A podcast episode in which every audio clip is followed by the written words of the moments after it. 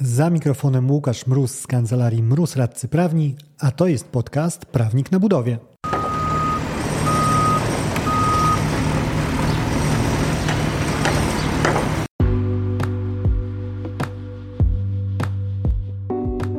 Z tej strony mikrofonu Łukasz Mróz, aka Prawnik na budowie. Ten odcinek to kolejny mikropodcast, czyli krótki strzał na konkretny temat. Przygotowując się do webinaru dotyczącego waloryzacji wynagrodzenia wykonawcy w trybie artykułu 439 PZP, troszkę się naczytałem. E, jedną z rzeczy, którą przeglądałem, był taki moduł, który jest w systemie informacji prawnej, z którego korzystam, dotyczący zamówień publicznych. E, tam jest ciekawy wątek, bowiem jest możliwość zadawania pytań do specjalistów redakcji.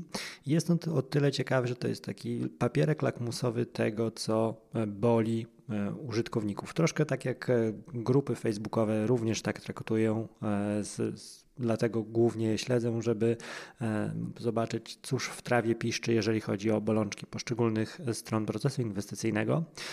I przygotowując ten materiał waloryzacyjny, zainteresowała mnie jedna kwestia, jedno pytanie, które postawił jeden z, z użytkowników tego systemu i brzmiało ono tak.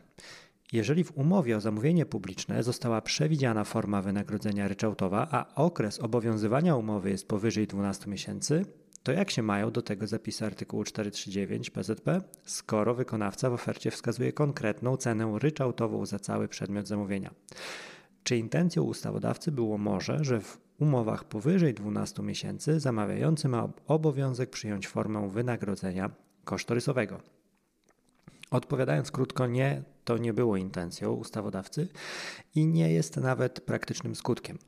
Ale e, rozumiem skąd bierze się to pytanie, e, ponieważ no, ryczałt do tej pory bez waloryzacji tego, bez tego rozwiązania, no to jednym z jego głównych e, ryzyk był właśnie wahanie kosztu realizacji, które spadało na barki wykonawcy, ewentualnie no, przychodziło do niego w ramach większego wynagrodzenia niż przewidywał na starcie, a której różnicy nie mógł mu odebrać zamawiający.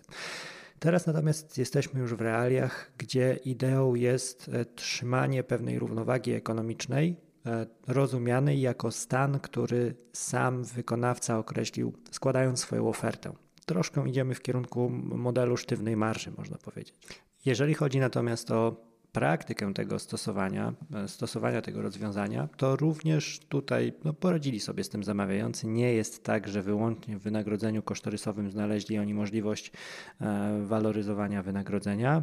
E, takim bardzo prostym rozwiązaniem jest chociażby przyjmowanie takiego pewnego domniemania, tak to chyba trzeba nazwać, mianowicie przyjmowanie, że mamy pewien wskaźnik bazowy określony jako punkt wyjścia do waloryzacji, chociażby chętnie powoływany wskaźnik cen produkcji budowlano-montażowej ogłaszany przez GUS e, i przyjmuje się takie pewne domniemanie, widziałem to w kilku już e, umowach, że jeżeli ten wskaźnik podskoczył, to przyjmijmy również, że podskoczyły koszty wykonawcy, skoro operuje on na tym rynku i w ten sposób zamawiający e, ułatwiają życie i sobie, i wykonawcom, ponieważ wycinają dużą dozę decyzyjności Tutaj przy okazji może mm, podam uwadze, ponieważ też są e, często nadal wskazywane te rozwiązania bijące w wymóg określenia rzeczywistego wpływu zmian cen i kosztów na sytuację danego wykonawcy. I sama idea jest jak najbardziej słuszna, bo nawet e, przepisy wskazują, czy trzeba je rozumieć tak, że no ten faktyczny wpływ powinien być na inwestycje, ale e, deficytem tutaj, który dostrzegam często, jest to, że wpisując w umowie takie ogólnikowe sformułowania, że wykonawca wskaże, jak to wpływa, zamawiający to zweryfikuje, no od razu pchamy się w spór. Jeżeli tu jest tylko taka luźna, bardzo otwarta kwestia, czysto interpretacyjna właściwie, bo nie dajemy nawet jakichś sztywnych ram, jakichś wskaźników, jakichś parametrów i nie wyznaczamy kursu, po którym ma się poruszyć wykonawca, żeby E, wykazać nam te zmiany jako zamawiającemu i nie wskazujemy, co my właściwie jako zamawiający będziemy weryfikować, co rozumiemy przez ten realny wpływ. I to nie skończy się dobrze o tyle, że te przepisy no, przewidu, przewidują, są skonstruowane tak, że waloryzacja jest obowiązkiem, a nie tylko uprawnieniem zamawiającego, więc tutaj on nie będzie mógł wyciągać się z braku waloryzacji wskazaniem, że ok, to nawet jeżeli przyjmiemy, że źle oceniłem, czy był faktyczny wpływ tych zmian na realizację kontraktu, czy też nie, nie ma to większego znaczenia, ponieważ i tak mogłem podjąć decyzję, czy zwaloryzujemy, czy nie. To nie tędy droga, tutaj mówimy już o kwestiach obiektywnych. Czyli jeżeli e, zamawiający wbrew obowiązkowi nie doprowadzi do waloryzacji, no to de facto mówimy o sytuacji, e, gdzie e, operuje w realiach niewypłaconego w całości wynagrodzenia wykonawcy z wszelkimi negatywnymi konsekwencjami, które z tego mogą wyniknąć.